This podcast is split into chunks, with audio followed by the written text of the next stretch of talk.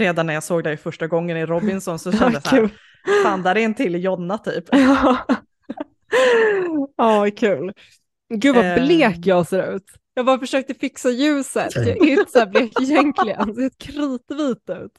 Vad är det som händer? Vilken tur att det här är poddformat. och- Ja, jag bara tänkte vad tur att det inte kommer synas. För viss, vissa poddar har ju liksom att man ser. Så jag bara Mm. hoppas inte jag är en sån podd. Jag tror inte det.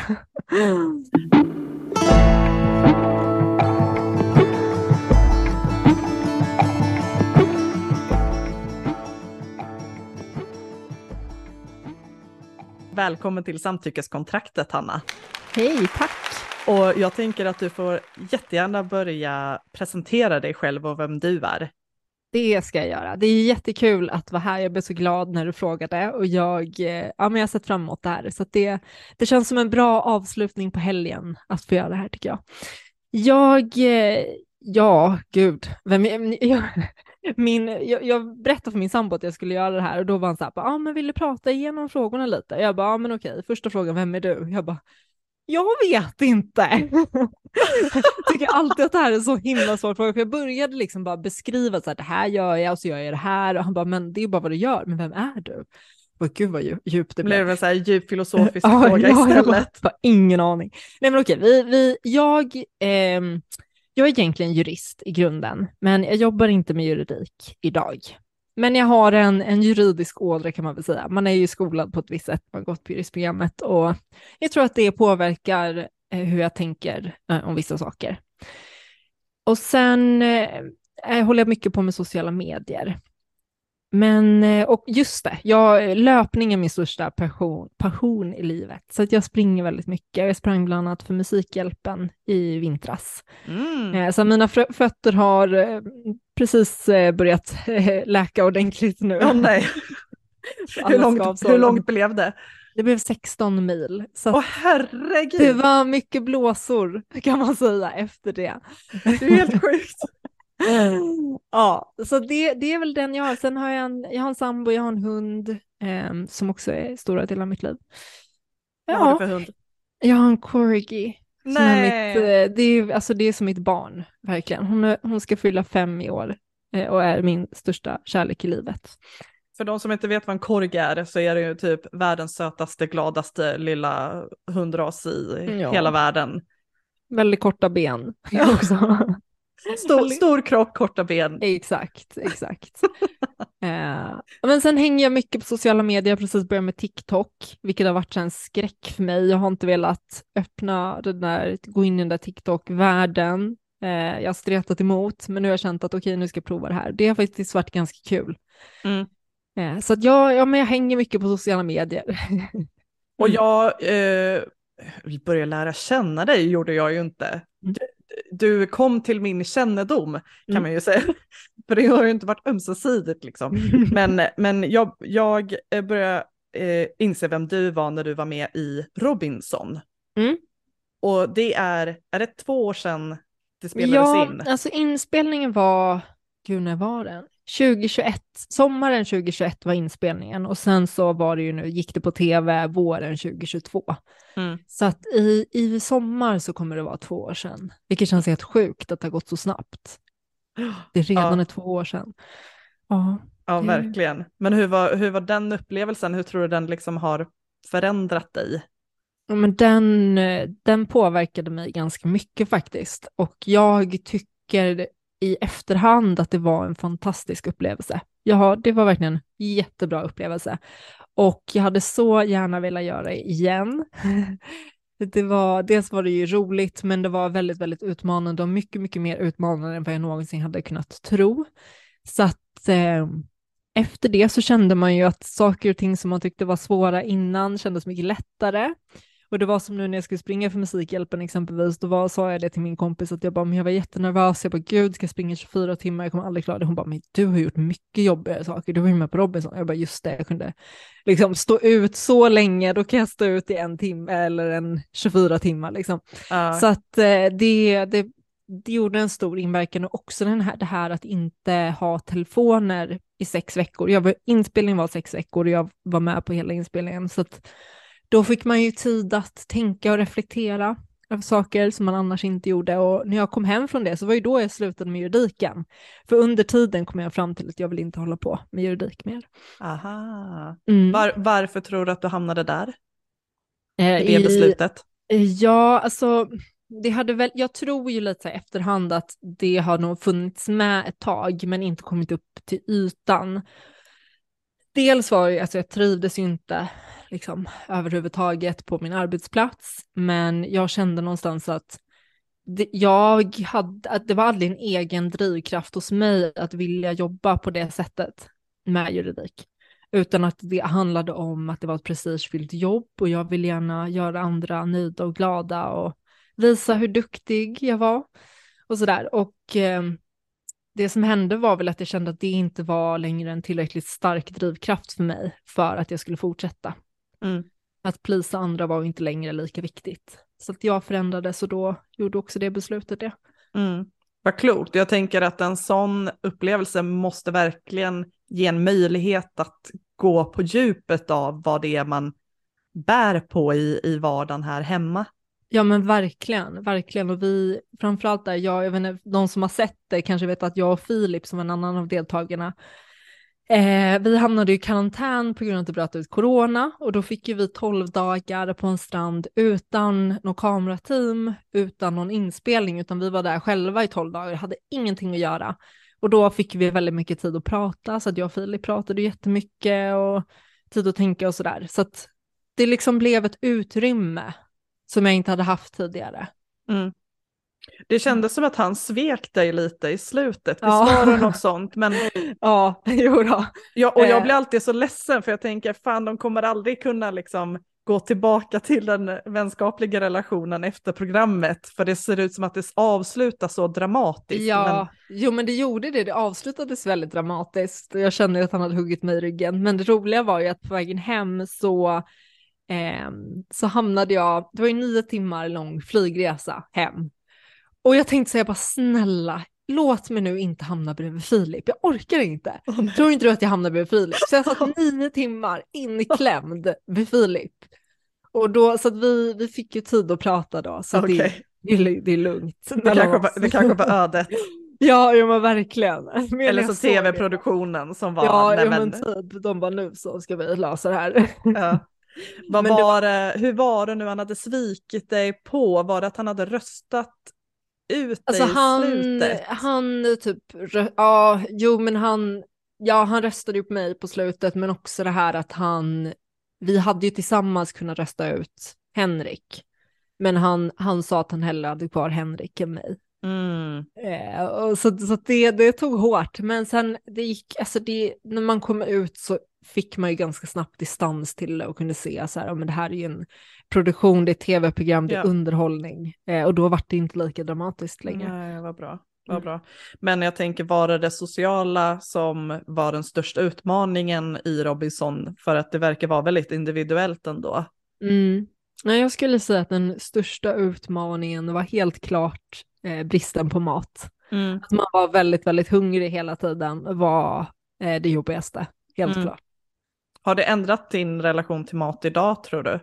Nej, det skulle jag inte säga. Eh, jag, det gick ju väldigt snabbt att komma tillbaka så fort man kom hem igen och började äta vanligt så mm, det gick jättefort. Mm. Jag kan väl ibland få lite den här tanken att så här, om jag vill äta goda grejer, det betyder lite mer för mig att äta Ja. gott. Att inte liksom bara äta för att få i sig kalorier och energi, utan också det här att ja, men jag ska äta, för det kommer jag ihåg att jag tänkte på sen när jag kommer hem så vill jag äta, någon, så här, äta gott, liksom, saker som smakar väldigt gott. Mm. Och inte äta mycket. Nej, men Kvalitet inte bara för att- kvantitet. Ja, men för att förut hade jag väldigt mycket det här att så, ja, men mat var bara ett nödvändigt ont. Jag, tyckte, jag tycker fortfarande inte om att laga mat, så det var alltid så, åh gud, måste laga, men jag tar, nå, blandar ihop någonting som smakar skit, men ja, ja, det är energi. Men det ändrades efter att jag Mm. ja, vill ha någonting lite bättre. Vad spännande. Mm. Men, men det, det som jag tyckte fick dig sticka ut mest i Robinson var ju ditt enorma mod, får jag väl ändå säga, att säga ifrån när det var den här orättvisa behandlingen där det var en annan deltagare som kom med ganska så sexistiska ståndpunkter Bland Mm. annat så var det att han valde ut en annan kvinnlig deltagare till att följa med på något mm, exklusiv resortaktigt Mm. för att hon skulle laga mat till de andra Ja. manliga deltagarna. Ja, det stack i Där. ögonen. Eh, ja, jag blev ju så jäkla arg. Eh, Mm. Och sen så konfronterade du honom alltså, ansikte mot ansikte och då så stod han fast vid att det inte var en dålig grej. Visst var det något sånt? Mm, ja, ja, men precis. Jag kommer inte exakt då, men vi började också diskutera andra. Jo, nej, men det kom ju fram att han hade ju köpt sex. Eh, och det var det vi började diskutera. Jag bara, men du kan inte köpa ett samtycke och sådär. Jag är ju eh, emot sexköp. Jag tycker inte Mm. man ska köpa sex. Eh, och han, han kunde liksom inte förstå det här med, med eh, att frivilligheten, han, han kunde inte liksom se att när han betalar någon så gör inte den personen det av helt fri vilja. Ehm, att, att den personen har inte sex bara för att den har lust, utan det handlar om betalning. Mm. Och sådana typer av grejer, det hade han ingen förståelse för alls. Han såg inte, han trodde att den personen helt frivilligt hade haft sex med honom oavsett om han hade betalat eller inte i princip. Okej, Och då var jag så här, spännande. men gud, varför, behöver, varför betala personen, eller varför behöver du betala personen då, om den så, så gärna vill? Mm. Och sånt där. Men ja, det var många grejer eh, med eh, den deltagaren. Och han blev ju avstängd till slut och hemskickad på grund av de skeva värderingar som han uttryckte. Ja, ja, han hade också eh, utsatt en annan deltagare för rasism. Mm. Eh, och det, det visste vi faktiskt inte vid det tillfället, det fick jag veta när jag kom ut. Mhm. Men det, var, det hade då kommit fram, det var i ett annat läger som han hade gjort det och då hade det kommit fram till produktionen och då stängde de av honom. Mm. Vad bra, tänker Ja. jag. Men Ja, de men stängde var inte bra. av honom när han uttryckte det här med sexköp. Nej. Nej, Visste tv-produktionen kanske inte om det då, eller? jag tror inte, alltså det, det som var var ju att den grejen tror jag kom fram, om jag minns rätt, under själva inspelningen. Men det var ju också, det kom nog inte upp till själva ledningen eller vad man ska säga, utan det var ju bara Mhm. kamerateam som fångade det på film och kanske inte tänkte på det något mer. Men sen tror inte jag att det är någon åsikt som hade gjort att han inte, eller att han hade blivit avstängd ändå. Mm, mm. Men jag Bara, bara en parentes här. Alltså, jag, jag tänker det här med sexköpet och så. Står det någon annanstans att han har gjort det så att det inte blir något förtalsärende av det här? Eh, jag, nej, jag vet inte riktigt. Um, alltså jag tänker ur, ur förtalssynpunkt så har det inte så stor betydelse om det är sant eller inte. Men däremot så tror jag att det är någonting han är öppen med. Eftersom att han Okej. säger det själv på kamera. Mm, Liksom på, även om jag tror att produktionen klippte bort den biten. Mm. Men eh, jag har ju pratat om det på min Instagram. Okej, ja men då så. Ja, Och jag tror att det är en åsikt han står för. Så. ja, det gör det ju nästan bara ännu värre. Alltså, Ja. att, att, ja, eller ja, båda två är ju Mm. fruktansvärt illa. Eh, Mm. Det är ju, har varit ett ganska genomgående tema i den här podden, konsekvenserna av prostitutionen. Mm. Ehm, och eh, jätte, jättesorgligt att den Mm. här indi- individen inte går att nå. Eh, För det är ju de som orsakar så mycket skada. Ja, för det var det jag, jag tänkte där att jag skulle göra ett försök, men jag kände ganska direkt att det här, han är inte mottaglig för några andra åsikter eller att för, han försökte inte förstå, Nej. eh, utan han hade en bestämd uppfattning. Så jag tror nog att han hade tänkt igenom ändå eh, Mm. och funnit att det här är det han tror på. Mm.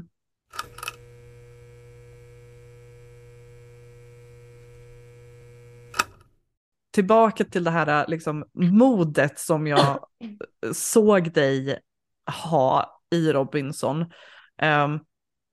V- om, om vi tittar på liksom, samhällsnivå och civilkurage, eh, hur tror du att den gör skillnad? Och eh, liksom, kan den till och med behövas i många situationer där andra samhälls, eh, eh, vad heter det, alltså myndigheter Mm. inte når. Så jag tror att civilkurage är jätte, jätteviktigt och det är någonting jag är väldigt intresserad av civilkurage som fenomen.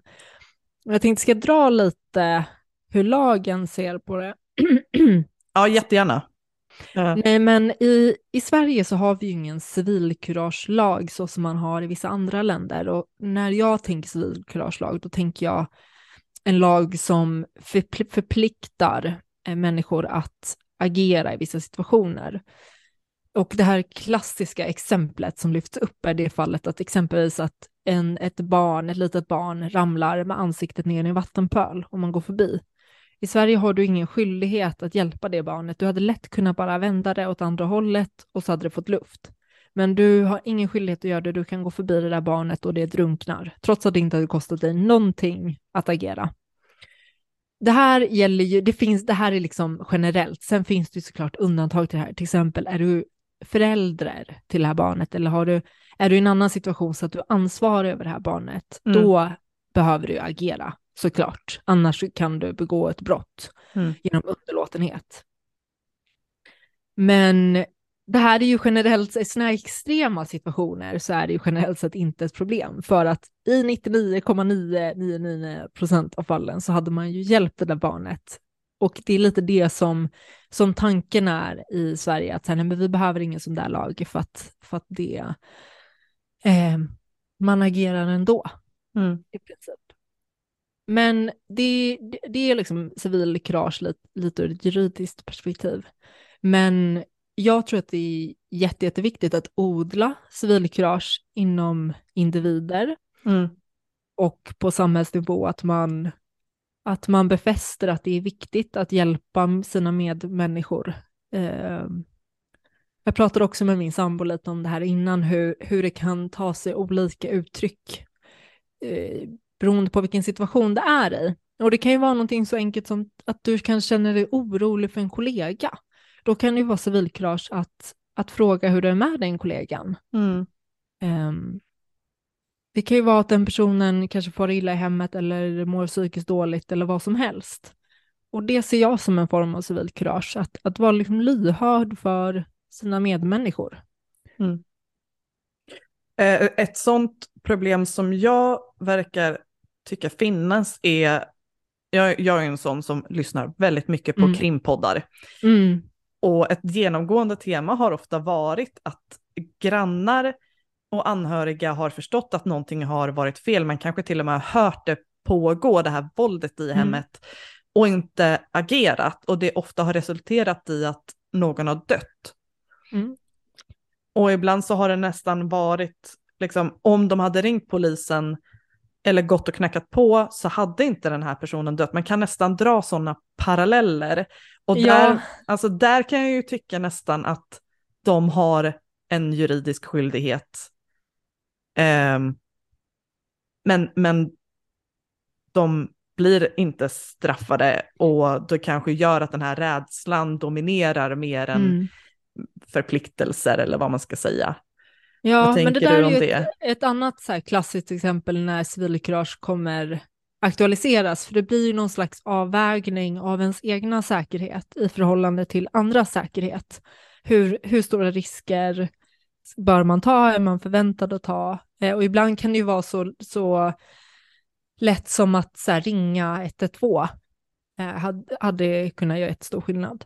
Men vi, jag har ju en podd tillsammans med eh, två andra personer som heter Kajan och Pau- Paula. Och eh, vi, det, vi har ju en feministisk true crime-podd, så att vi pratar, går igenom väldigt mycket rättsfall. Och jag vet att det här har ju kommit upp många gånger. Ja. Och jag har ju ofta haft den där inställningen att jag har blivit oerhört provocerad. Jag bara, vad fan är det jävla grannen, har du, kan, kan, du, du hade ju bara kunnat... Och då brukar alltid Kajan, eller kanske inte alltid, men hon, hon har lite mer sansad syn på det som jag börjar anamma. Och jag har tenderat att vara väldigt dömande mot personer, men, men jag försöker ta med, och det har jag liksom lärt mig från henne, att ta med att det är väldigt svårt att döma eh, när man inte har varit där i situationen. Mm. Eh, så jag, jag försöker att liksom inte vara så dömande, även fast jag har en väldigt stark ådra i mig som är precis som du, som du säger där, liksom att vad fan, det, varför, har ni inte, varför gör ni ingenting? Mm. Ehm, Men, men det man kan säga där, att jag, jag tycker vi ska odla, det, alltså det är ju problematiskt om man har grannar som vet att det pågår någonting, man hör hur det skriks och saker som kastas i golvet och tum tumult om man inte agerar. Mm. Det är ju det är problematiskt och det gör mig lite, jag blir provocerad av den tanken att folk, men det är egentligen hela den här grejen, sköt sig själv och skit i andra, att nej men det där är inte, jag ska inte lägga mig i andras liv, jag ska inte lägga mig i vad som händer hos någon annan Precis. och det tycker jag är fel. Jag tycker att vi ja. ska lägga näsan i blöt. Tycker jag också. Lägg näsan i blöt. Sen så har jag förstått det som, jag, jag saknar lite kunskap här faktiskt, vad som är bäst att göra, för jag har hela tiden tänkt att så här, ja, men, spring ner, knacka på, agera, du vet så här, kasta dig in i situationen, men jag har förstått att det kanske inte alltid är det bästa att faktiskt knacka på. Mm. Men jag tänker, det, det får vi det får vi återkomma till mm. hur man egentligen bör agera. Ja, och jag tänker väl att den här provokationen som kanske både du och jag känner mm. grundar mm. sig i att vi har någon annan typ av lätthet eh, mm. för att uttala oss. Jag vet mm. att du har det och jag vet att, att jag har det. Eh, och ibland så kan jag tänka, fan vilken dålig respekt jag har för auktoriteter som liksom mm. kan käfta emot lärare till exempel när jag, när jag inte håller med dem och så vidare.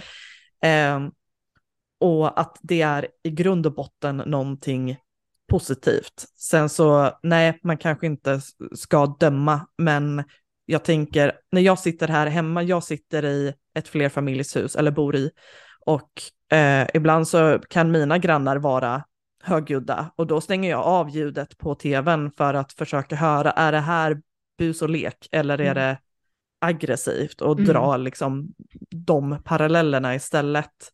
Mm. Eh, jag hade nog också varit rädd för att knacka på hemma hos någon. Eh, men, men i alla fall att jag, om jag nu antar att det är våld i hemmet, att man först tar reda på om det är det och så kan man se sen. Eh, det behöver ju kanske inte vara en själv som agerar, man kan ju alltid ringa en kompis som kanske är modigare, jag vet inte. Nej, men jag tänker, uh. alltså, jag, jag, jag, tror också att många, ja, men jag tror att det är mycket det här att folk är rädda att lägga sig i och tänker att så, men tänk om det inte är någonting och så gör man värsta stora grejen utav det. Men jag tror att alltid man ska ta det säkra för det osäkra och så här, tror du att någon kanske blir slagen, ring 112, ring polisen. Mm. Eh, det, det är inte någon som kommer se ner på dig eller bli arg på dig om du ringer och så var det ingenting. Mm. Utan det ska, alltså det, man ska agera. Och det tror jag vi behöver liksom pusha varandra i att det, det är rätt sak att göra. Mm, mm. Jag tänker, jag har ju själv småbarn och jag vet att det kan låta väldigt mm. mycket eh, om kvällarna när det är någon som kanske inte har hunnit äta och är väldigt upprörd, antingen mamma eller eh, barnet. Och de gångerna kan jag tänka, ah, nu kommer det säkert ringa på någon som undrar mm. vad som händer och då tänker jag, men då får de jättegärna göra det, för här mm. finns det ingenting att dölja. Eh, och andras oro är någonting positivt i den bemärkelsen. Eh, sen som en polis skulle dyka upp, då hade jag nog också blivit lite, jaha shit, låter det så mycket?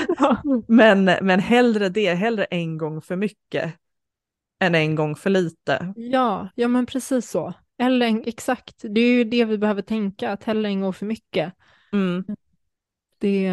Vad heter de som har det här civilkurage, Peter och... Eh... Eh, Nina Rung och ja. Peter Rung. Ja. Eh, ja, de har ju det här, jag är inte jätteinsatt i det, men jag förstår det som att deras det är det här som gör mig lite konfunderad, för att jag har hela tiden tänkt att ja, men jag, eller så här, jag förstår deras upplägg som att de vill att man ska knacka på och ringa på och sånt där.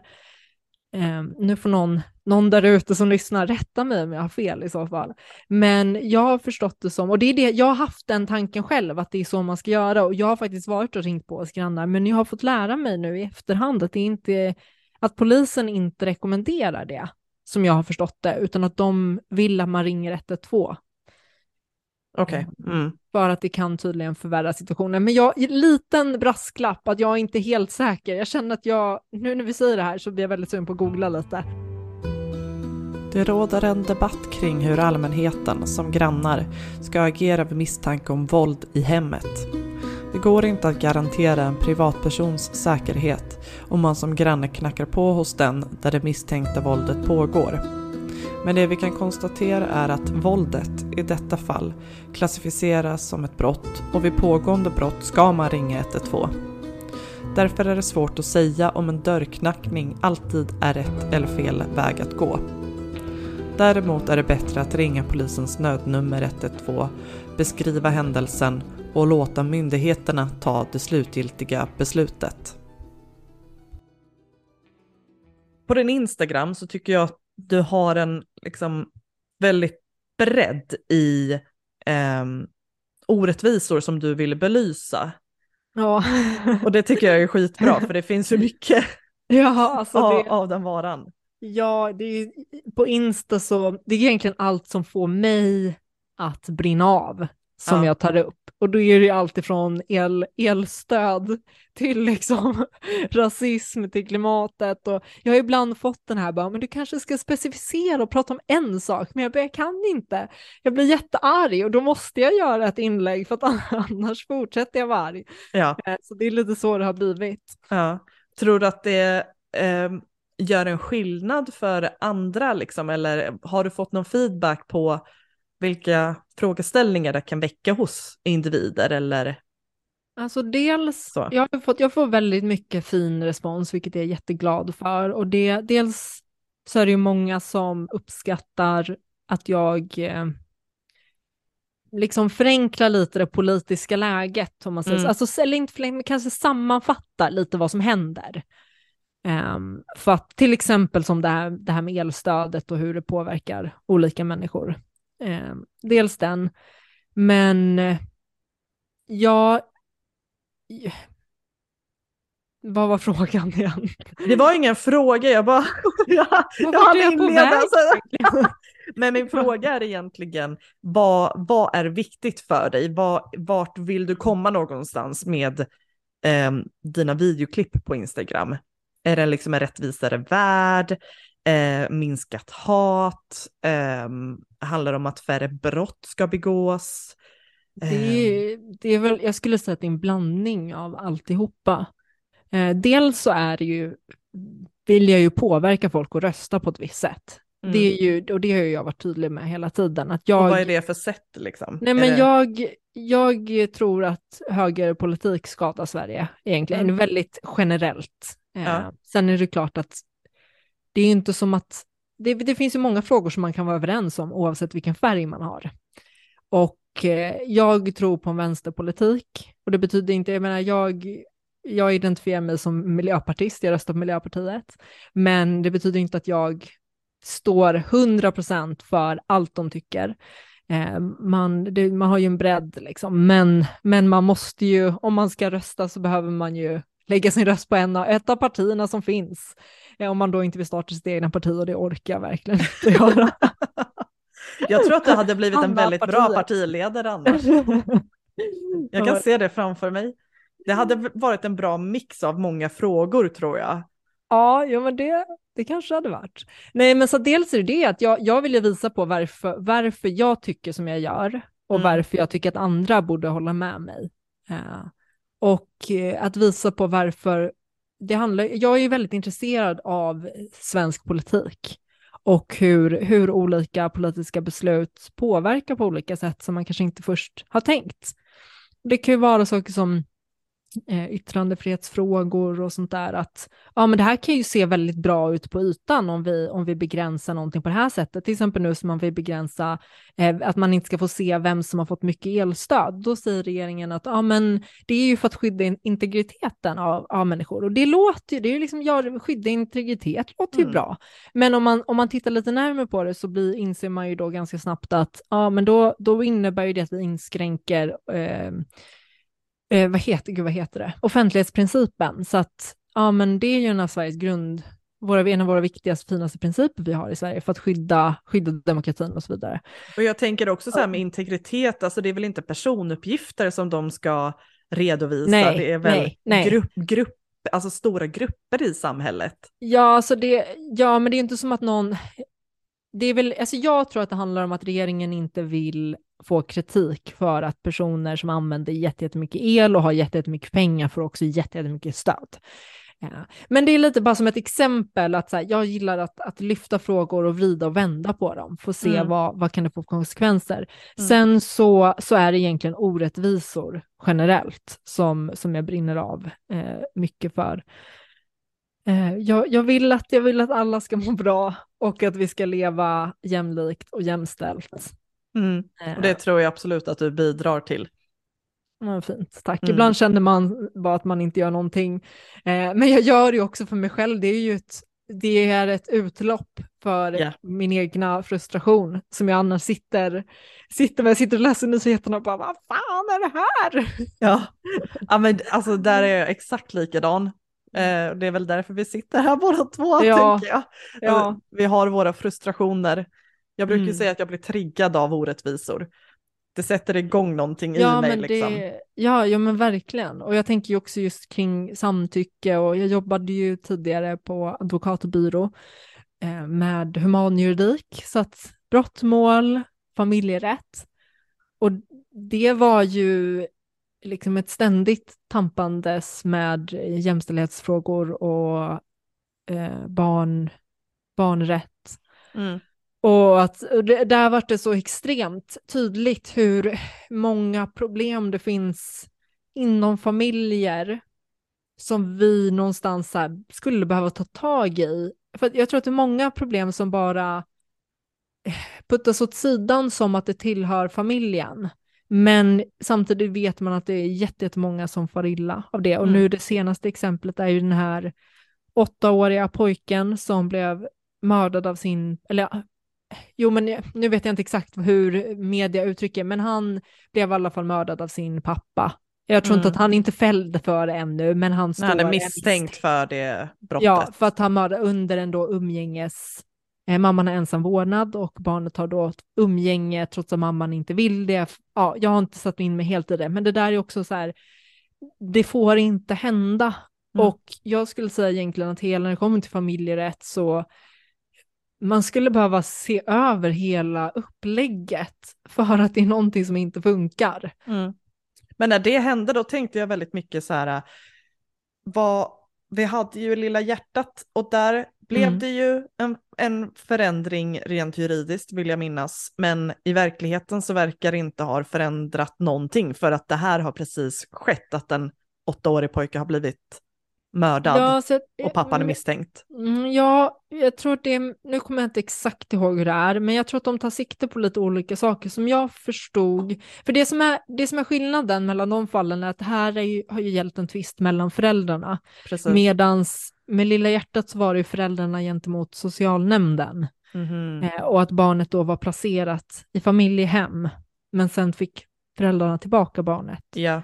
Så att jag tror att förändringen man gjorde där med Lilla hjärtat var väl dels att man skulle göra någon slags utredningar när ett barn dör. Mm. jag kommer inte exakt ihåg, men, men no, det, man skulle behöva se över det här. För det är också väldigt komplext när det kommer till familjerätt.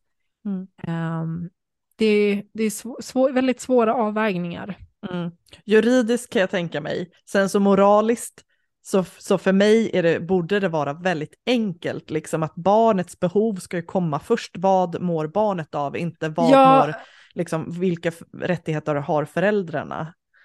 Ja, alltså så är det ju idag, eh, att barnets, barnets bästa är ju det domstolen ska ta, eh, liksom ta ställning till.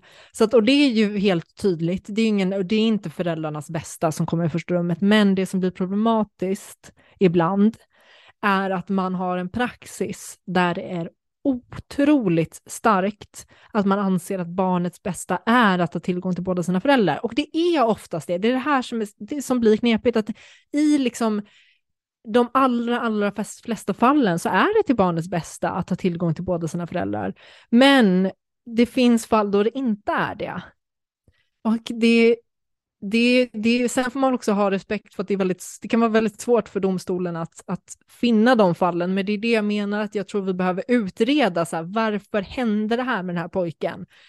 Eh, vad beror det på? Eh, hur kan vi se till att det inte händer igen? För att Mm. om vi inte gör någon förändring, då kommer det hända igen. Mm. Och jag tänker att det här är inte någonting som har fallit ner från klar himmel, utan det har kommit eh, påtryckningar och varningar innan det här skedde, eller hur? Att hon hade ensam vårdnad för att pappan var våldsam mot sitt Mm. barn. Och att det Ja. fanns tecken på det. Nu är inte jag Ja. påläst på det här, det här specifika fallet, men jag vet att jag har läst liksom Mm. kort om att det, det Ja, var inte de en flesta- överraskning på något sätt. Nej, det som, nej, de flesta, de nu vet, vet jag inte procenten, men i näst, de flesta skulle jag väl ändå säga, kanske inte de flesta, men en väldigt stor del av alla vårdnadstvister så finns det ju anklagelser åtminstone om Okej. våld.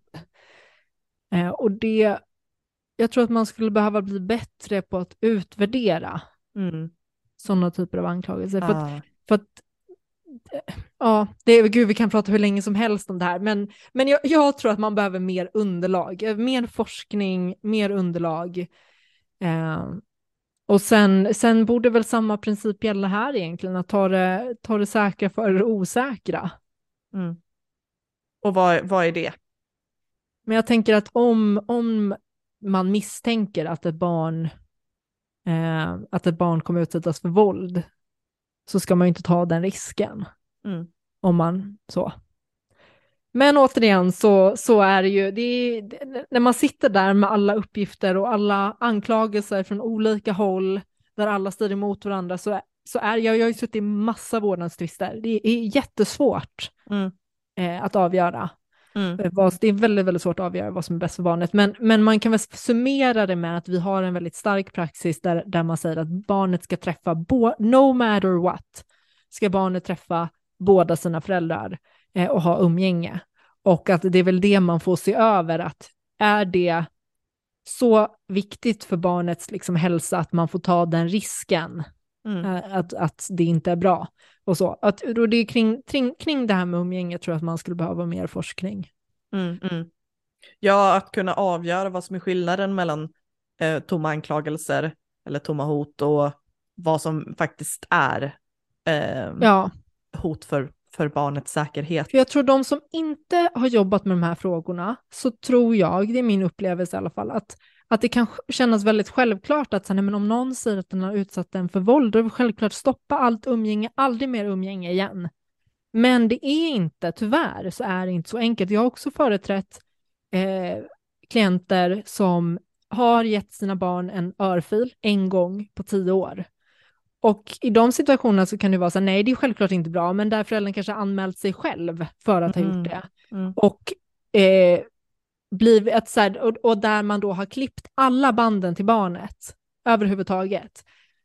Och då, då blir det ju någonstans samma där att trots att barnet har velat träffa föräldern har han inte Mm. fått göra det för att alla har sagt att nej, men det, det, det är en våldsam förälder, du ska träffa den. Mm. Och det, det är också så här, det kanske inte heller blir jättebra för det där barnet att aldrig ha en relation med den föräldern igen.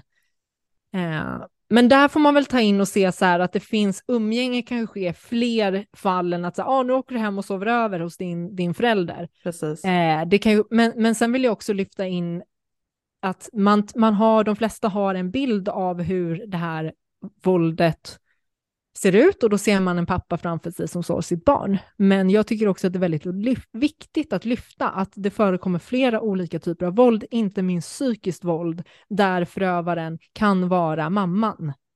Och genom att man, och jag, jag, jag gillar inte att vara den, men jag tycker ändå att det är viktigt att också prata om det för att man inte ska missa de fallen. Mm. Eh, är, jag bara tar ett snäpp vidare, är det olagligt i Sverige? Psykiskt våld. Ja, psykisk misshandel, för jag vet att det är det i Danmark. Ehm, men Jag kommer, ja, alltså det här är, eh, jag, gud, jag, det här var ett av de ämnen jag tänkte skriva mitt examensarbete om faktiskt. Vi har ju ingen rubricering som är, i alla fall inte när jag pluggade, eller sist jag jobbade med det här i alla fall, som är liksom psykiskt, psykisk misshandel, är ingen brottsrubricering så. Men det kan ju gå in på andra sätt. Jag tänker exempelvis ofredande skulle det kunna bli, eller eh, du kanske har hört om eh, fridskränkning. Eh, grov kvinnofridskränkning exempelvis. Där kan flera olika fall av eh, liksom, kränkning ingå. Kränkningar kan ju vara psykiska, men det, det, vi har liksom ingen tydlig så här, eh, psyk och det är också att eh, juridik vill man ju gärna specificera. Gör du det här så resulterar det i det här. Don't do this liksom. Men det, är mycket, det kan vara väldigt svårt att specificera med psykisk misshandel. Mm. Vad, och det är också så bundet till en situation, på vilket sätt något görs, hur återkommande och så vidare. Mm. Eh, men sen är det också, kan man ju också viktigt att komma ihåg att bara för att man inte kan kanske bli dömd för ett brott så betyder ju inte det att det är fritt fram att göra det. Så att en förälder som utsätter sitt barn för psykisk misshandel kan ju ändå, alltså där kan man ju ändå skydda det barnet på andra sätt. Uh, jag tänker att så här, socialtjänsten kan, beroende på vad det är för kränkningar, men där kan ju socialtjänsten uh, hjälpa till. Mm. Men uh, låt, låt oss säga att det är en, en pappa som har dratt, det är ett barn som är kvar med sin mamma och den mamman agerar väldigt oansvarigt i sitt föräldraskap genom exempelvis psykisk misshandel mot mm. sitt barn. Um, hur skulle man göra i en sån situation, tänker jag? Eh, kan, det, det, kan det bli komplicerat? Ja, alltså, bara för att så här, konkretisera det lite. Jag, eh, bara som ett exempel, ett fall som jag inte har tagit hand om personligen, men som mm. jag känner till ett fall där en en mamma var helt övertygad om, för det här vill jag också bara poängtera att så här, det behöver inte göras i ond tro. Alltså det är inte nödvändigtvis att en förälder är liksom ond och vill, vill utsätta sitt barn. Men till exempel som den här mamman då var helt övertygad om att pappan utsatte barnet för övergrepp. Och hade liksom och det kan exempelvis komma från att låt säga att pappan utsätter, har utsatt mamman för det kanske långt tillbaka i tiden, då är det inte konstigt att man har en oro inom sig. Och i det här fallet så fanns det ingenting, inte ett enda bevis för att det faktiskt var så. Barnet sa inte det, det fanns ingenting. Men den här mamman var så pass övertygad om det att hon eh, klädde av barnet naket, tog kort på det väldigt, väldigt mycket, gjorde olika former av undersökningar återkommande för att hitta bevis. Och det blev en kränkning av det här barnet. Och så, så att, bara för att här, illustrera komplexiteten i det eh, och vad som kan hända. Och också att det som gjorde det fallet så svårt var ju att den här mamman trodde ju att hon skyddade sitt barn när det visade, trots att hon egentligen var förövaren. Um, Vet du hur det, det slutade? Eh, pappan fick ensam vårdnad. Mm. I det fallet. Mm. Eh, och det vart ju, och hon upplevde ju såklart som att eh, samhället hade svikit henne och barnet. Mm. Eh, jag, jag, kan väl föreställa mig någonstans att kränkningarna inte stannade där. Jag kan tänka mig att det här är någonting som spiller över på väldigt mycket annat skolomsorg och så ja, vidare. Liksom. Ja, det fanns troligtvis fler komponenter i det. Eh, mm. Mm. Men, Men, om, det är den, om det är bara en förälder som är kvar och den föräldern kanske inte är schysst i sin eh, bemötande av barnet. Eh, vad, alltså då tänker jag, tittar man då juridiskt sett på att okej, okay, men du är den enda föräldern som är kvar, så det väger över att du inte alltid är snäll, till exempel? Uh, Nej, alltså om, om man är en, oavsett om man är en eller två föräldrar som inte tar hand om barnet på ett adekvat sätt och det är så pass illa att så här, det här kan vi inte acceptera, då kommer det barnet bli omhändertaget och placerat i familjehem. Men, eller ja, beroende på liksom hur gammalt det är, man kan ha HVB hem och sånt där också, eh, och beroende på situationen. Men generellt ska man väl säga att man kan vara en ganska dålig förälder. Mm. Det är accepterat att vara en, en kass förälder. Mm. Det krävs en del för att, för att samhället ska agera. Ja.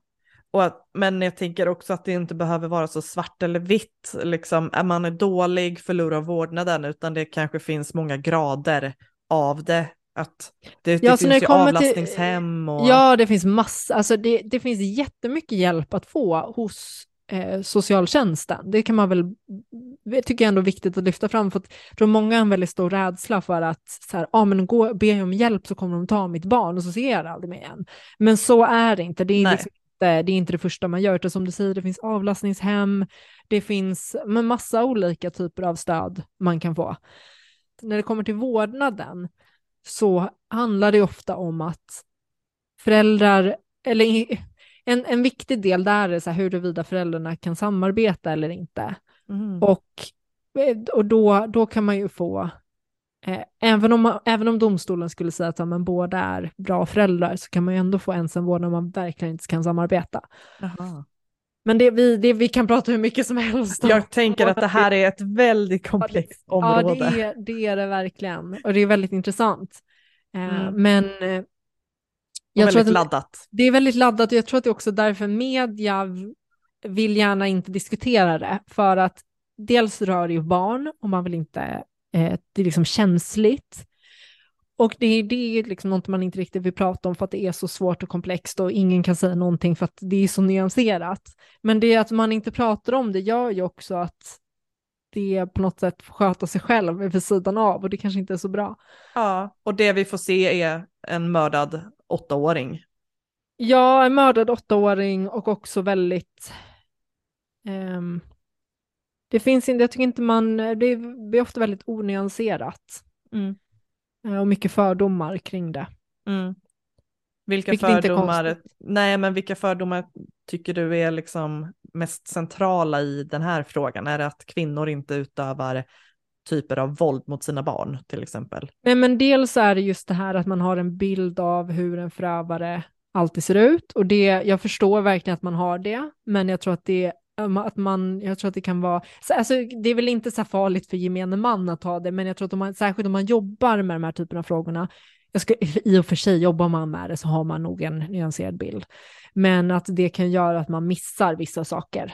Eh, dels det, men, men också den här att, att det alltid sker tvångsumgänge och att barnen aldrig vill det är en sån här tydlig fördom som jag tycker finns att barn aldrig vill träffa sin förälder trots att den har gjort, eh, kanske utövat våld. Mm. Och så är det inte. Och jag tycker att det är väldigt problematiskt att göra sån, när man gör sådana antaganden, för att Mm. någonstans är det så här, det här är ju fortfarande det barnets förälder. Och jag tror att det är väldigt, jag tror att det kan bli skadligt om det barnet hela tiden får höra att du stackars dig som får träffa den här föräldern, stackars dig, du ska inte vilja träffa den här Mm. föräldern. Mm. För det, jag tror att det kan bli, en, att det här är bara min egen analys, men jag tror att det kan bli en konflikt i det barnet att känna å ena sidan det är min förälder som jag vill ha en relation till, å andra sidan så känner man liksom skam över att samhället säger att man inte borde, att det är synd om en för att man, alltså förstår vad jag menar? Mm. Eh, så att jag, jag tror att det är fortfarande viktigt att ha att eh, titta på vad barnet vill och att barnets, alltså egentligen titta på barnkonventionen, Ja, att så här, fortsätta jobba med att implementera, barnkonventionen och se hur man Mm. kan bli bättre, forska mer på det.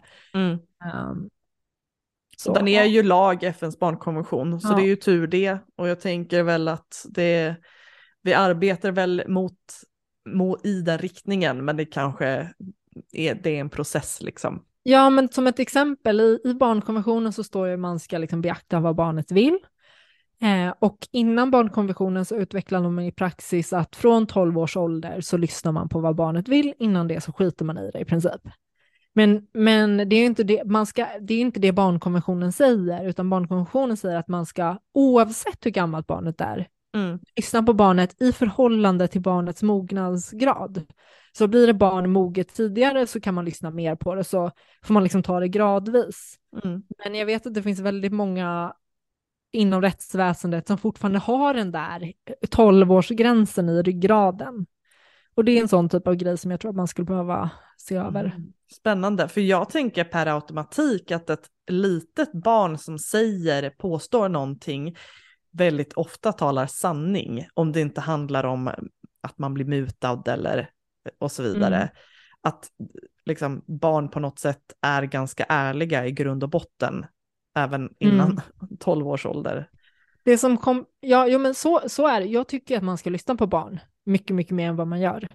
Men, men det som är en liksom viss komplicerande faktor i det är att, som jag har förstått det, utifrån vad jag har läst, är att barn, det här är liksom lite barnpsykologi egentligen, men att barn vill väldigt gärna göra sina föräldrar nöjda.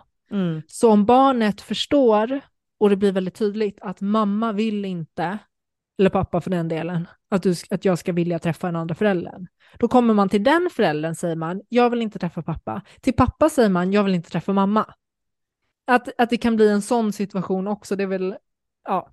Så mm. det, är, det, är, det jag menar bara är att det är mer komplext. Det är, det är svårt att säga att så här är det alltid, så här ska man alltid göra. Man kan, mm. inte, ha, man kan inte ha en lösning som passar alla. Nej, jag förstår. Eh, men samtidigt är det ju fullständigt oacceptabelt att en åttaåring dör. Mm. Eh, så jag tror att också att man, man eh, dels behöver forska men också att här, se över, finns det fler alternativ än de vi har idag?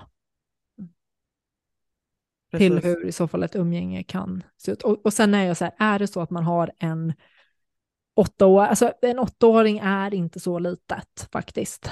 Eh, har man en åttaåring som absolut inte vill, vill alltså skriker och gråter och verkligen inte vill träffa den andra föräldern. Jag har väldigt, väldigt svårt att se att, det, att man skulle tvinga ett sånt barn. Jag, liksom rent moraliskt, juridiskt gör man ju det.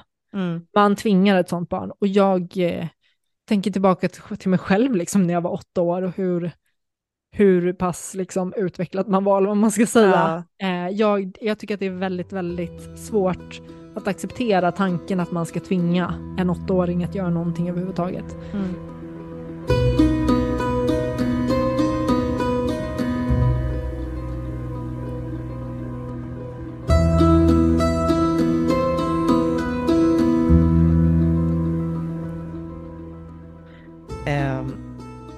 Den, sista frågan jag hade berör ju det här med samtyckeslagen.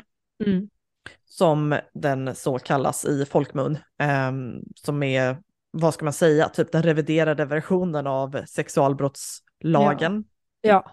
Om jag är rätt på det? Ja, ja, alltså det, det man gjorde var ju att så här, det, det som är avgörande är huruvida det finns ett samtycke till sex eller inte. Och finns det inte samtycke ja. så är det en våldtäkt, punkt slut. Precis, och så, alltså, så enkelt önskar jag ju att det var, men vad som har, eh, det, det, är ju på något sätt eh, den, den magiska frågan och den, det magiska svaret i den här podden är ju liksom vad är samtycke? Hur kommer samtycke till uttryck? Och när går gränsen för mm. ett sexualbrott? För jag mm. tänker att om den här uh, samtyckeslagen var tillräcklig så hade man kanske sett att det blev en förändring. Och jag tycker inte att den förändringen som sker är tillräcklig. För att jag det finns så många motströmmar som motarbetar mm. det här med samtycke. Ja, det finns definitivt motströmmar kan man ju konstatera. Jag tänker att vi kan gå in på det eh, mer. Men jag, jag, tycker inte att man, jag tycker att det är för tidigt att säga att den inte fungerar. Det man ju sett är att fler kan bli fällda för att det är fler situationer som omfattas, eh, vilket är bra.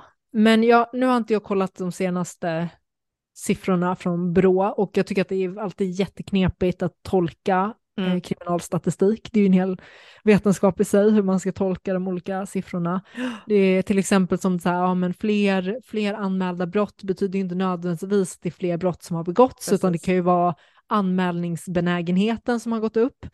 Eh, och, eh, men, men oavsett, jag tycker att det är en jättebra lagförändring, mm. men jag tror att det är jag tror inte man ska ha en övertro på vad man kan åstadkomma via lagen. Mm. Och det jag tänker på mycket det här att man vill ju gärna förebygga, inte bara lagföra. Och det tycker jag generellt att feminister, jag tänker så här, Instagram-feminismen eh, mm. och det som pratas om på, på sociala medier är ofta väldigt, väldigt fokuserat på när saker och ting har hänt och väldigt fokuserat på att man ska få folk fällda.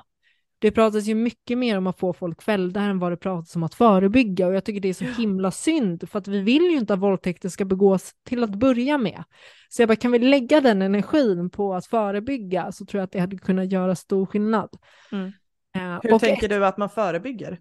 Nej, men så ett steg i att förebygga är ju dels att ändra normer. Och där kan ju samtyckeslagen definitivt spela in, för det blir väldigt tydligt att samtycke, det, det är liksom det som gäller. Och det tror jag successivt kan vara liksom en, en bricka i spelet, att ändra normer. Eh, så på det sättet så tycker jag att det är väldigt bra. Eh, men sen, sen tror jag att, att förebygga är ju, det är ju ingenting som sker över natt, utan det krävs resurser och att man satsar på det och då tänker jag skola, utbildning, att man pratar om det på, inom rättsväsendet, att man pratar om det inom sjukvården eh, och att liksom fångar upp och Um, jag tänker mycket det här att, ja, men att, att lära unga vad samtycke är och vad som är, liksom, vad som är okej och vad som inte är det. Sexuell integritet. Jag, jag pratade om på TikTok häromdagen om så här tjatsex och hur i min första relation, hur det var liksom en, det, det var helt det fanns liksom inte ens på kartan för mig att det var någonting problematiskt med att jag kände mig tvungen att ha sex. Mycket, mycket mer. Och jag hade sex hela tiden trots att jag inte ville. Och det var helt, jag såg det liksom som, som att det var jag som var dålig bara. Eh, och en sån typ av grej att, och det, och det kan jag förstå nu i efterhand att så här, jag hade inte den kunskapen eller verktygen eller förståelsen för att jag har en, en sexuell eh, integritet och men också att den andra personen som då utsatte mig för det, om man ska säga, hade inte heller den förståelsen att det var någonting som han utsatte mig för, att det var fel. Och jag känner ingen ilska gentemot den personen nu, för att liksom, vi hade inte den liksom, kunskapen eller förståelsen, men, men det är en sån, ett sånt typ av steg jag tror man skulle behöva ha, ha att mm att det, det är inte okej, inte ens tjatsex är inte ens okej. Eh, och jag tror att det finns folk som har gått över gränsen. Jag tror det finns massa folk som har gått över gränsen utan att ha förstått att det är det de gör. Mm. Och jag tror någonstans att kan man börja där så tror jag att man kan, alltså börja med att lära ut gränser eh, så tror jag att man kan vinna på det. Mm, mm. Absolut. Sen, sen finns det ju hela den här teorin kring att så, ja, men det, det börjar med orden, att inte prata, liksom, inte kalla kvinnor för hora och alltså, att, ni, vet, ni vet, kanske har sett den här bilden på en triangel där längst ner är, är det typ så här sexskämt, eh, eller man skämtar om kvinnor och sen så blir det så här, går upp och till slut så är det våldtäkt och mord och att mm. det är liksom mm. ett förtryck av kvinnor. Den teorin har ju inget stöd i forskning. Men jag tror, det är svårt att veta, men jag vet att det finns många som, som tror att det också är en väg. Att börja jobba med de här mindre grejerna, att inte skämta på, ja, men till exempel som det här, liksom, skämta på bekostnad av, av kvinnor och mm. eh, jobba med stereotyper och sånt där. Har man tänkt att det ska vara linjär, alltså tidsmässigt linjärt som att det börjar med en liten grej och sen slutar med det stora allvarliga. För jag tänker väl att mycket kan ske på en och samma gång. Ja, men jag tror att det är många, många som tänker att det är liksom som i en kultur att man, att man skapar, jag, jag tror många tänker att man lever i en våldtäktskultur där det blir på något sätt okej okay att begå våldtäkter för att man pratar på ett visst sätt, man skämtar mm. om våldtäkter. Alltså typ nu gör jag ju lite förenklat. Men att man menar på att man då ska försöka arbeta emot den här typen av våldtäktskulturen. Mm. Eh, jag tänker på till exempel så musik och populärkultur där man liksom begår övergrepp på olika sätt som att det, det inte är något fel. Men, Men, det känns som ett, alltså det är ju väldigt återkommande det här liksom att nedvärdera kvinnor i eh, musik som sänds på radio. Mm. Och jag tycker inte, alltså då är det som att man stöttar de värderingarna på något jag har ju kommit på mig själv så här, sjunger med i en låt och bara, åh den är så bra, och så bara, men gud vad är det jag, vad är det jag säger? Ja. Frågan är om det faktiskt alltså indirekt undermedvetet gör någonting med oss eller Ja, det om det, det- bara passerar. För Ja men exakt, Inte... och det där, det där är en jätteintressant fråga. Eh, jag har ju hela tiden trott att det påverkar oss, så här, ord påverkar oss. Jag tror nog det fortfarande. Men, men som jag har förstått det så finns det inte någon, någon forskning som stödjer att så här, använder jag ordet hora så är jag större chans att... Eller, nu har jag ju lite förenklat, men, men jag tycker att det... Eh, man hade ju gärna velat forska lite på det Gärna. och se, se hur, hur det kan egentligen påverka. Sen vet jag inte hur man skulle lägga upp en sån studie, men det är i alla fall intressant. Och ehm, ja, Det får det nog finns- vara något retroaktivt, eller jag vet inte. Men eh, jag tänkte på det här du sa tidigare om tjatsex, är det någonting man kan bli fälld för? nej, det skulle jag inte säga. Mm. Eh, Sen är det ju också en situation till situation, men jag vet att jag har fått frågan förut från tjejer som har gett ett muntligt samtycke till sex, men sen inte har, har liksom på insidan känt att nej men det här känns inte bra och jag inte vill. Och det blir väldigt svårt att, för det, det, det som blir intressant i en sån situation är ju vad den andra personen har uppfattat. Har du sagt ja men knipit ihop benen och liksom liksom uppenbarligen inte velat, då kan det ju vara en grej. Men i de liksom, när jag tänker tjatsex så tänker jag ändå att man går med på det, att ha sex, men att man egentligen inte vill, men att man känner sig tvungen. Och det, det, eh, det skulle inte kunna vara en våldtäkt. Mm. Jag tänker alltid, liksom att man, om man har sagt nej tio gånger så kan ett ja väga upp de tio gångerna och det rent matematiskt känns väldigt skevt på något sätt. Att om det handlar kanske under loppet av en dag, om man ska ta något extremt liksom. ehm, att jag tycker absolut att om man har visat så tydligt flera gånger att man inte vill, att det där jaet är kanske på eh, premissen att slippa tjatet snarare än ha sex. Och att Mm. man borde titta på det på det sättet om du förstår vad jag menar. Och att Ja, man, ja men jag förstår, Mm. jag förstår vad du menar. Ehm, men, men så som det ser ut idag så skulle det inte, att ett ja skulle väga upp en miljon nej. Liksom. mm. Eh, Men, men, om, man, men om, man tar, det- om man tar det på liksom ett annat sätt, om man, så här, ja, men man har någon kompis som kommer hem till en som frågar, eh, ja, jag vill ha din guldklocka. Eh, och så säger man tio gånger nej. Och sen så eh, den elfte gången så säger man ja för att den personen kanske inte vill gå förrän Mm. man liksom har sagt ja och man Mm. känner att man inte har något val och sen anmäler det för stöld. Hade det kunnat räknas som en stöld i så fall? Nej, det skulle jag inte säga. Nej. Eh, men, men det är också väldigt svårt från situation till situation. Det är så Mm. mycket eh, som kan spela in på hur, hur det har liksom förlöpt. Men Ja. generellt så nej, jag skulle inte säga att det är det. Vad jag det försöker komma åt är liksom så här synsättet ja, som är så eh, också eh, svårt och komplext att liksom det handlar så mycket om synsättet i vårt samhälle på sexualitet mm. ehm, och eh, kvinnors rättigheter till deras Ja, egna det- kroppar och så vidare. ja, men sen är det ju också väldigt, eller kommer ihåg, det, alltså det, vi skulle behöva ta ett omtag egentligen med allt som rör sexualitet. För att så som jag upplever i alla fall så är det ju alltid, dels så finns det ju en, alltid en förväntan om att kvinnor ska ge sex. Eh, Så att det är någonting man är skyldig, man är skyldig sex. Liksom är man i ett förhållande så ingår det att du ska ha sex. Och gör Mm. du inte det, då är du en dålig flickvän eller ja. Men samtidigt så blir det ju också då, om man säger så, så blir det kommer folk känna så här indirekt att, men vadå, vill inte kvinnor ha sex? Jo, men det finns ju jättemånga kvinnor som vill ha sex och säkert lika mycket som män. Men så som jag upplever i alla fall är att hela samhällssynen är på något sätt, nu blir det lite filosofiskt och flummigt, men att det är byggt utifrån en manlig sexualitet.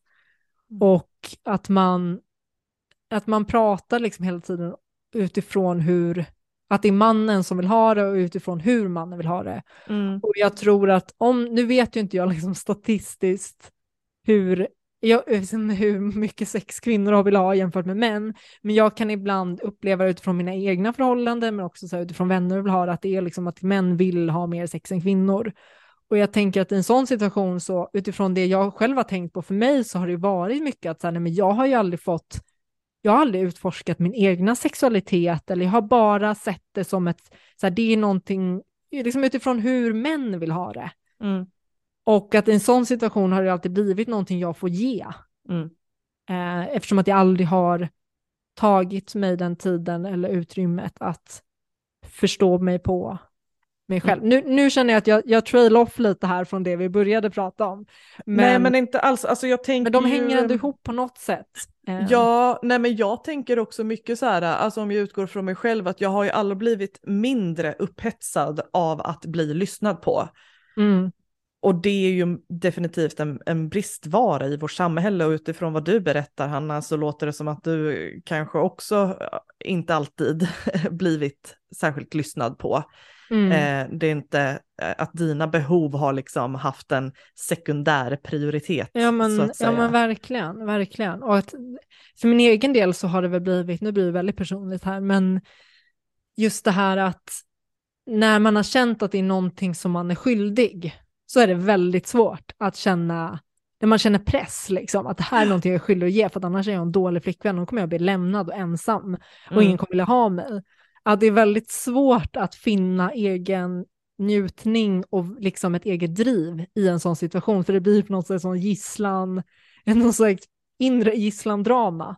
Mm. Um, ja. jag, jag har ju ofta känt liksom bristen på, alltså att jag inte har haft tillgång till mitt nej. Mm. Ehm, och det har gjort det jättesvårt för mig att sätta gränser och säga vad är det jag vill, vad är det jag inte vill, utan jag har bara utgått från den andra personens behov och vilja och sagt Ja. att ah, men det är också min. Och så, Ja. så är det ju inte. Nej men så Ja. har det varit för mig också, definitivt.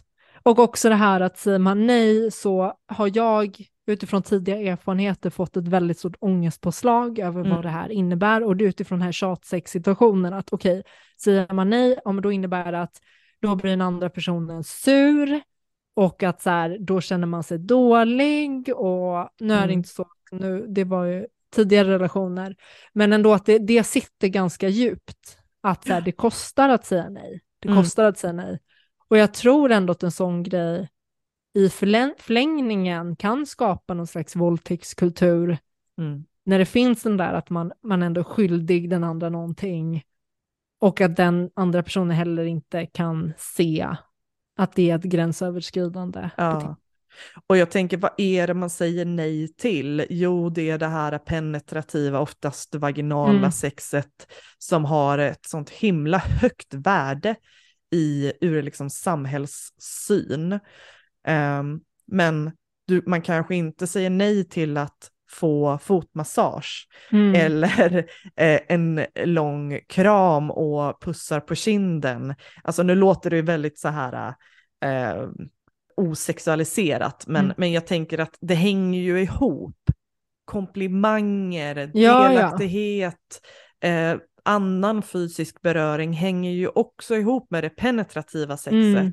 Men det som har ett värde är liksom det vi får se i Mm. pornografin till exempel. Ja, ja men verkligen. Alltså jag tycker att det här är ett superintressant ämne och jag kan eh, bara liksom prata utifrån min egna erfarenhet att jag själv känner att jag har hamnat så, så snett i det här för att jag har verkligen haft så här, det är så här det ser ut. Det är liksom, som du säger, det är penetrativt och det är, det är utifrån hur, en bild av hur män vill ha det, är liksom det standarden för hur det går till på något sätt. Och att jag, och för mig har det blivit att jag bara, nej men jag vill inte, jag vill inte ens, jag vill inte ha något med det där att göra. Alltså så, att det inte funnits något utrymme. Ehm, och jag, jag tror att det nog finns många kvinnor som känner igen sig i det. Mm. Och jag tror att det finns mycket att vinna på att vi vågar prata mer om det och liksom ta tillbaka vår sexualitet och utforskandet och att det inte är liksom det manliga sättet som är det dominanta. Att Precis. det inte man utgår från att det är så det ska gå till. Eh, ja. Jag föreställer mig att det är en enorm press som man också, att känna att nu ska jag få stånd, jag ska Åh, hålla det här Gud. ståndet och jag ska inte komma för snabbt. Eh, Ah, och- sån stress alltså. där är jag ju nästan glad att vara kvinna, för jag Ja. är en person som väldigt lätt får prestationsångest. Ja. Eh, och den här passiviteten kan ju också vara på något sätt skyddande. ja. Eh, det, att det finns den dimensionen av det också, utöver det här offervarianten. Eh. Mm. Eh, Nej, men jag tror definitivt att det här är någonting, på samma sätt som vår kreativitet tror jag blir hämmad, så tror jag att mäns kreativitet också blir det. För att de, så här, det finns en kollektiv bild av hur det går till. mm, Ja. Sen kanske Definitivt. jag inte, det kanske finns andra som är mer, har varit mer äventyrliga och inte alls håller med det här, men eh, jag tror inte att jag är helt ensam i alla fall. Nej, vi, vi nämnde ju kort det här med motströmmar och så vidare Mm. och, och vi pratade ju också även om, om sexköp och då slog tanken mig det här med Onlyfans. Ja, Att i Sverige så är det olagligt med sexköp, ehm, som det heter i juridiska Mm. termer. Jag vet att andra vill säga kommersiell sexuell exploatering. Så, ja det, men det, eh, Onlyfans, är det, är det tekniskt sett, borde inte det också vara olagligt om man befinner sig i Sverige och köper? eh, det här är ju jätteintressant. ja, Det, det är ju inte olagligt eh, med Onlyfans, men det går ju definitivt att se kopplingarna till, nu börjar jag bli torrt här i halsen, känner jag måste äta något vi, ska, vi ska snart börja Ja. avrunda också. Eh, det går ju definitivt att se paralleller till eh, sexuell exploatering. Eh, och jag tycker det är jätteintressant att prata om. Mm. Det finns, vi skulle kunna göra till avsnitt om, om Onlyfans. Men jag tror också, jag, har, jag har inte jättestor kunskap om, om det här, men jag tänker också så här med olika inkörsportar som jag har förstått det som, kan det vara liksom ett, ett Mm. första steg just med till exempel Onlyfans så att man går vidare. Eh, men, men just det här med strömmar också, jag bara tänker på hela den här nu nyligen med Andrew Tate eh, och hur, vad ska man kalla det, alltså antifeminismen har, Mm. jag upplever att det har fått ett så otroligt starkt stöd på sistone.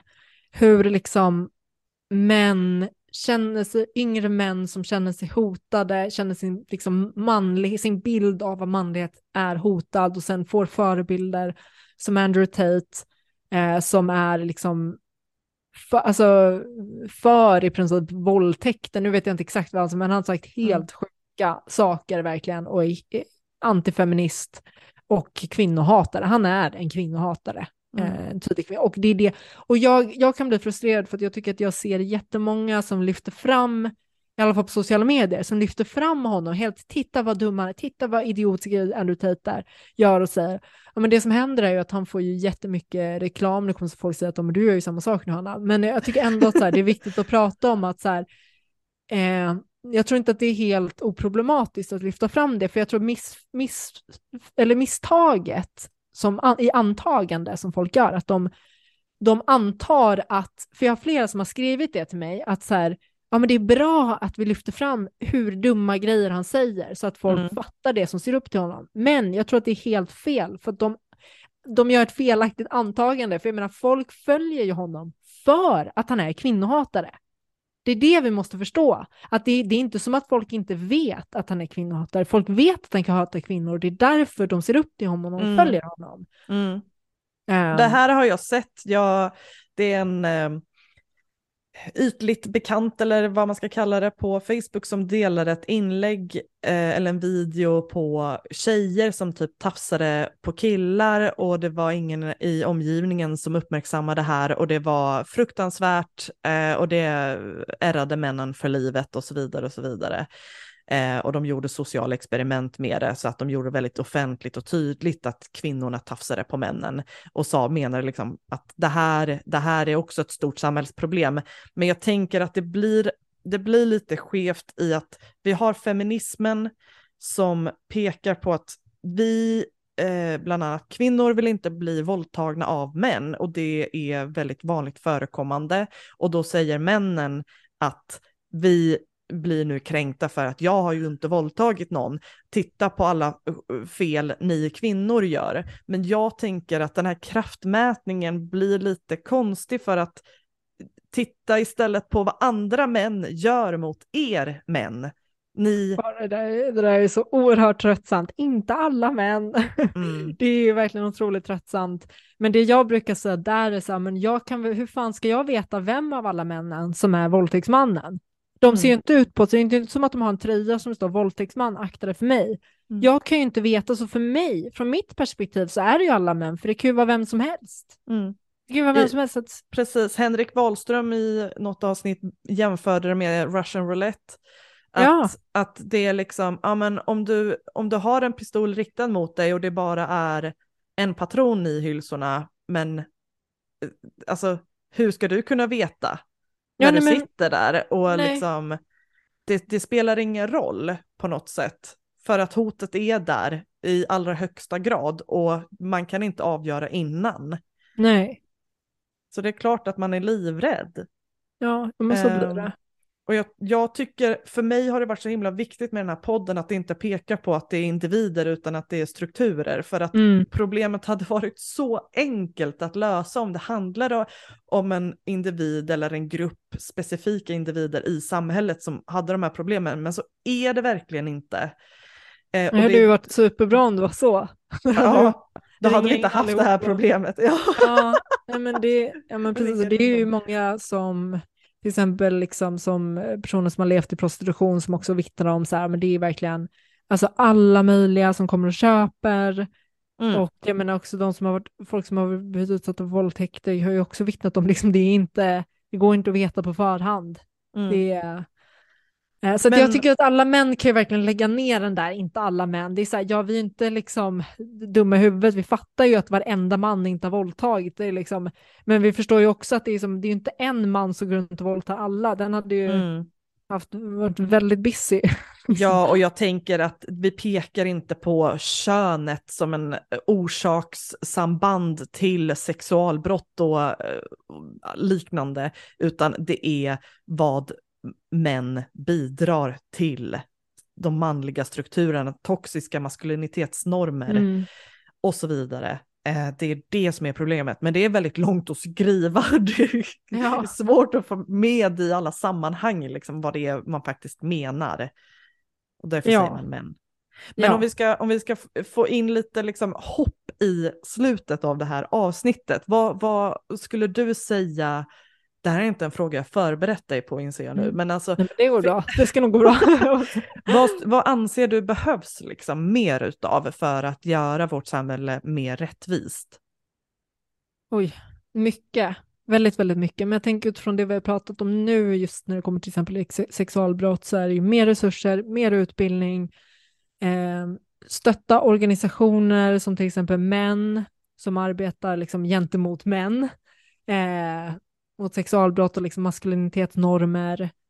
Eh, så det, det är apropå liksom alla, men det finns också massa män där som, som engagerar sig och att det jag bara call out till alla er, jag uppmuntrar verkligen män att också engagera sig. Det här är inte en kvinnofråga, det gäller er också i allra högsta grad.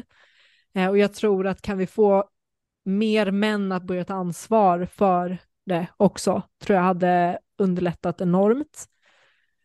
Eh, och eh, så tror jag att liksom jämställdhet överlag tror jag skulle minska, hjälpa till att minska eh, våldtäkter. Mm. Eh, så jag, jag, tror att jag tror man ska jobba på bred front med många olika saker eh, samtidigt. Men, men ändå att utifrån ett politiskt perspektiv så är det ju att ha, att ha, se det som en fråga som man ger resurser till och som är högst upp på dagordningen. Mm. Ser det som en prioriterad fråga, precis som gängkriminaliteten dominerade valrörelsen. Alla pratar om gängkriminalitet. På samma sätt hade vi kunnat prata om sexualbrott, ja. som är mycket vanligare, som mycket, mycket fler drabbas av. Mm. Jag säger inte jag att gängkriminalitet inte är viktigt, men vill man liksom lösa en fråga så behöver man prioritera den mm. och fokusera på den eh, och låta den liksom sänka ner resurser i den. Eh, och jag tänker också så här, forskning, forska mer på vad behöver vi göra. Mm. Eh, titta vad andra har gjort, vad har funkat, vad har inte funkat. Mm. Precis, för jag tror att det är både den delen att, att forska men också att faktiskt titta på forskningen och vad, mm. Vad säger den?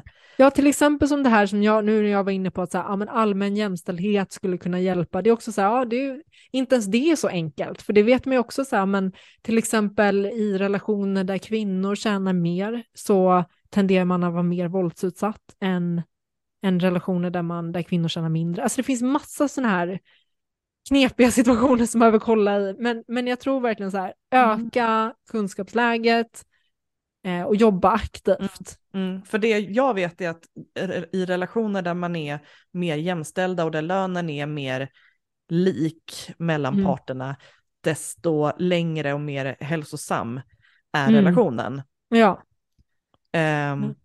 Så att, Men också, ja, jag, jag, kände mig väldigt skrämd av utvecklingen, att det är så, jag kommer ihåg, nu, nu när- valet var så gör man ju en sån här, mm, jag inte, val i skolan. ja, I okej. nian gör man ju att ni, niorna får välja och att det var jättemånga som då hade, av pojkarna som röstade liksom Sverigedemokraterna.